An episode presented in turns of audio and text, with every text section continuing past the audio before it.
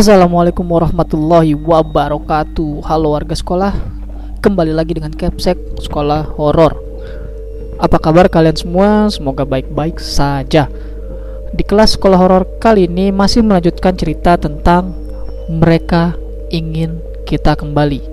Bagian ketiga. Yaps Farhan dan teman-temannya masih berada di Curug. Dan kejadian-kejadian aneh pun sudah mulai terjadi Cerita ini masih bersumber dari akun Twitter @queertyping. Sebelum kalian mendengarkan cerita ini, Capsek akan berterima kasih untuk like, share, dan komen kalian di video ini. Lanjut saja. Saatnya kelas dimulai.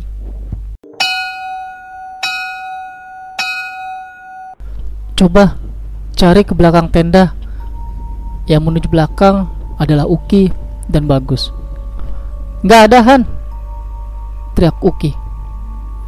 Panik, semakin panik, karena pikiran sudah ke mana-mana. Apalagi aku tahu kalau Dani dari pas datang udah sering melamun sendiri.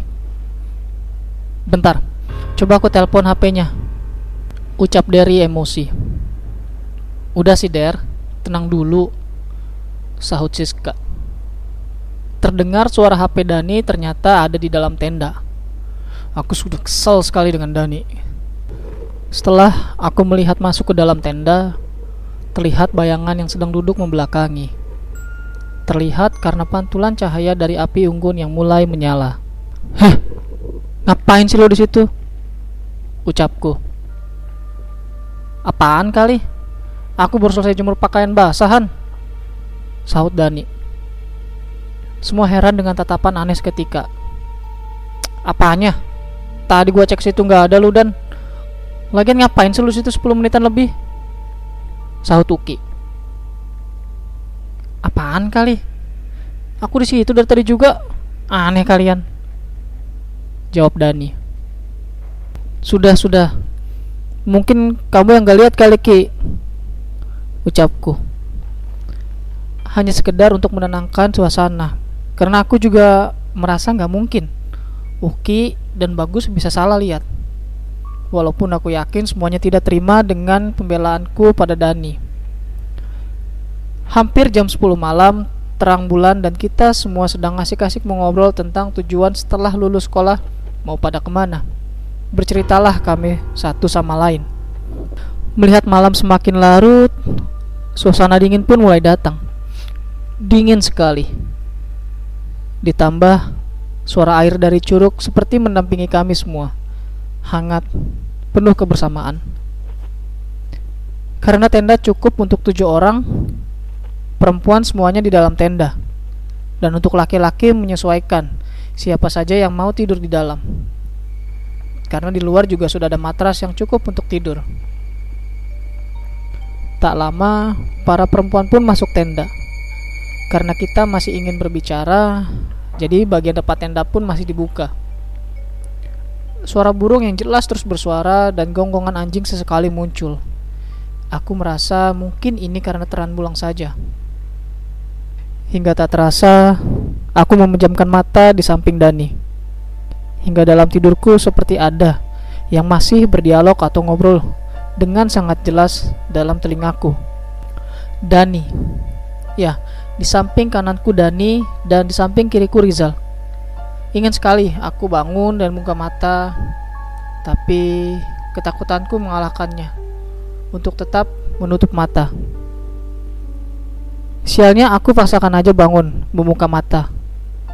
Dan benar saja, Dani sedang tersenyum-senyum dalam tidurnya. Aku kira itu hanya mengigau saja. Han, kamu bangun, ucap Dian. Aku pun kaget. Eh, Dian, belum tidur kamu Yan? Sahutku. Udah sih, cuma kebangun denger si Dani ngigo. Mana ketawanya serem lagi. Ucap Dian. Ya udah, coba tidur lagi, Gi. Jawabku. Gak bisa, Han. Sambil dia keluar dan duduk di sebelahku, dengan menggunakan selimut tidurnya. Aku lihat jam sekitar 2 lewat 35. Han, kejadian Dani tadi aneh ya? Ucap Dian. Udah Yan, jangan dibahas, ucapku. Kemudian Dian pun bercerita kalau selama di perjalanan tadi dia melihat orang-orang yang membawa keranda mayat. Mungkin dia sedang salah lihat, pikirku. Hingga tak lama Dian masuk ke dalam tenda dan melanjutkan tidurnya. Aku mendengar suara dengan jelas aungan seperti harimau hutan. Tapi sesekali berubah seperti suara anak kecil. Suara yang aku yakini muncul dekat bebatuan menuju jalannya air. Segera aku mengambil senter untuk mengecek. Namun tidak ada tanda-tanda binatang atau apa pun juga. Yang bikin aku takut sekali hanya kicauan burung yang terus bersuara. Itu seperti burung sirit yang dipercayai sebagai burung pembawa berita. Semakin aku hiraukan suara tangisan anak kecil itu semakin dekat di telinga, sampai aku bangunkan Rizal. Tapi Rizal hanya lelap, mungkin karena capek. Melihat ke arah atas pun, bulan sedang turun karena dini hari juga semakin larut. Sialnya, seketika tangisan itu menjauh dan berhenti. Pasti suara burung itu mulai lagi. Dalam lamunan mata terpejam, Kenapa kejadian yang tadi dilihat Dian mengenai orang-orang yang membawa keranda mayat sama dengan aku, Rizal, Bagus, Uki, dan Dani alami? Bedanya aku berlima yang melakukan itu. Baru saja mata ini akan terlelap, si Dani lagi-lagi tertawa agak keras. Tapi suaranya seperti suara perempuan. Dan anehnya, mereka semua yang tertidur tidak mendengar sama sekali. Woi bangun Ucapku kepada Dani Hingga Rizal pun terbangun dan kaget Tapi si Dani justru tetap tertidur dan ketawa-ketawa Dengan suara perempuan itu lagi. Apaan kali? Dia tidur lelap gitu? Harusnya aku juga denger dong Han. Saut Rizal. Ah bodoh Kalau kamu dengar kamu juga kaget. Ucapku yang masih emosi.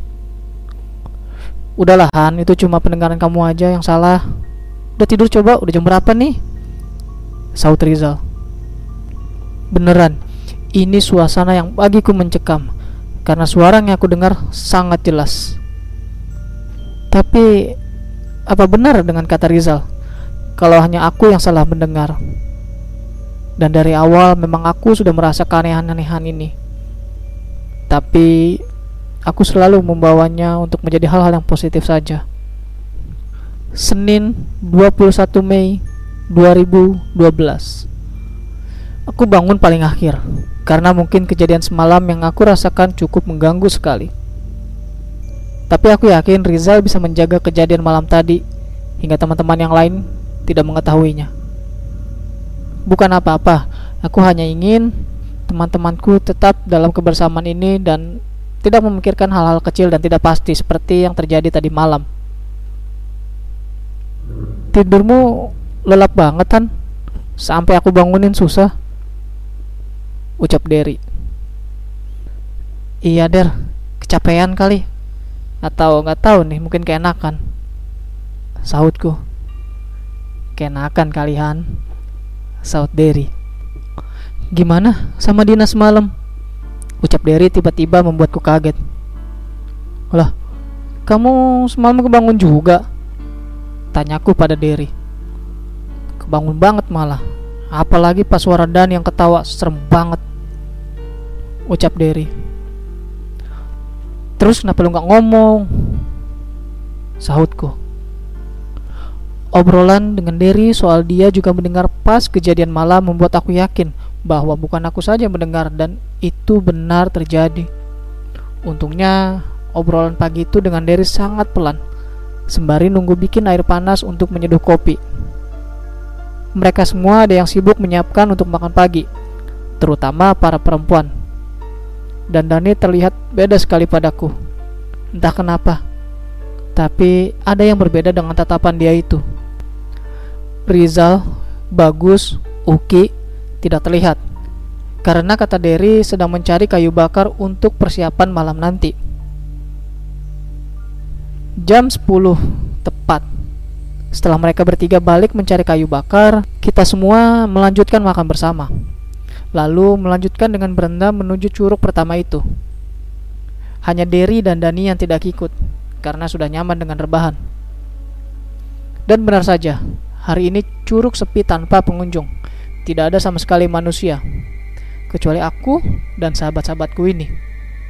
Dua warung pun juga tutup, Aku berpikir berarti dari semalam hanya 9 orang yang tinggal di sekitaran curug. Bahkan belum sempat aku melihat warga setempat pun yang lewat. Setelah selesai berendam dan bermain-main di curug pertama, perempuan langsung mandi dan berganti pakaian di toilet. Hanya Mayang yang tidak ikut berendam saat itu.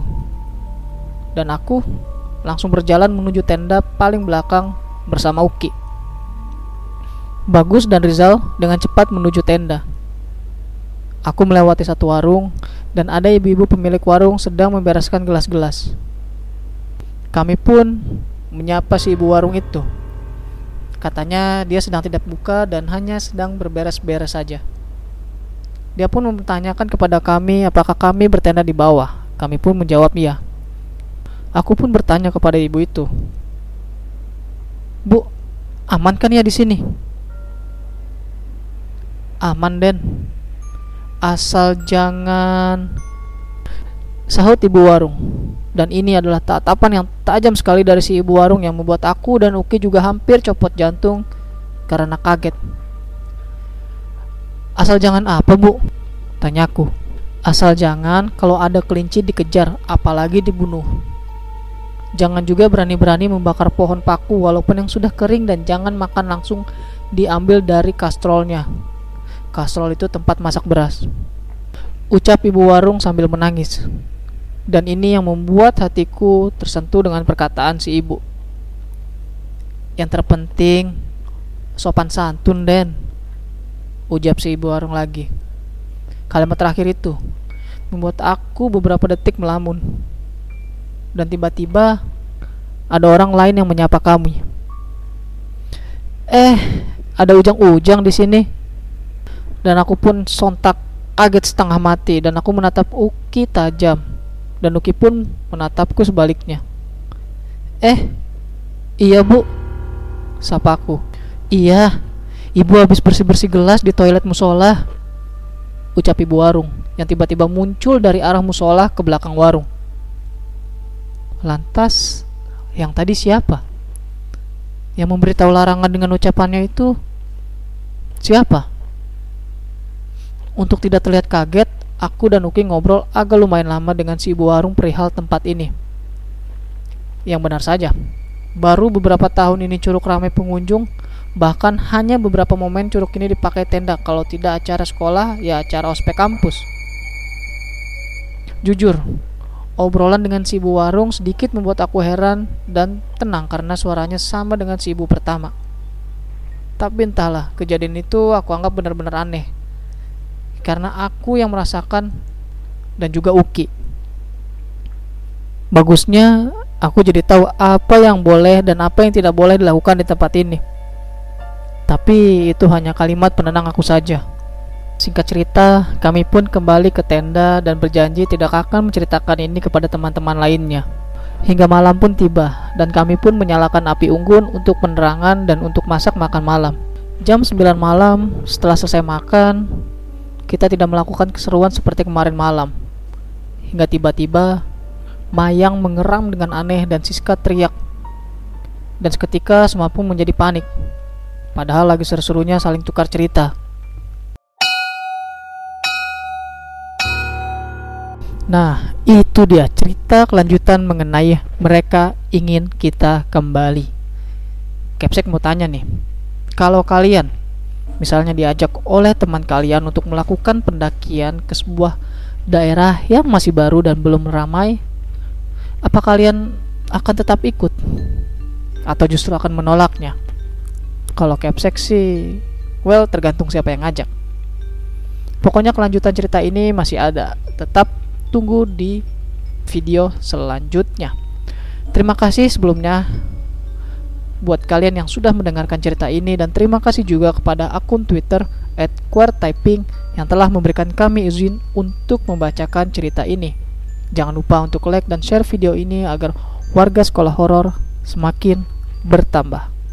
Dan sampai jumpa di kelas berikutnya.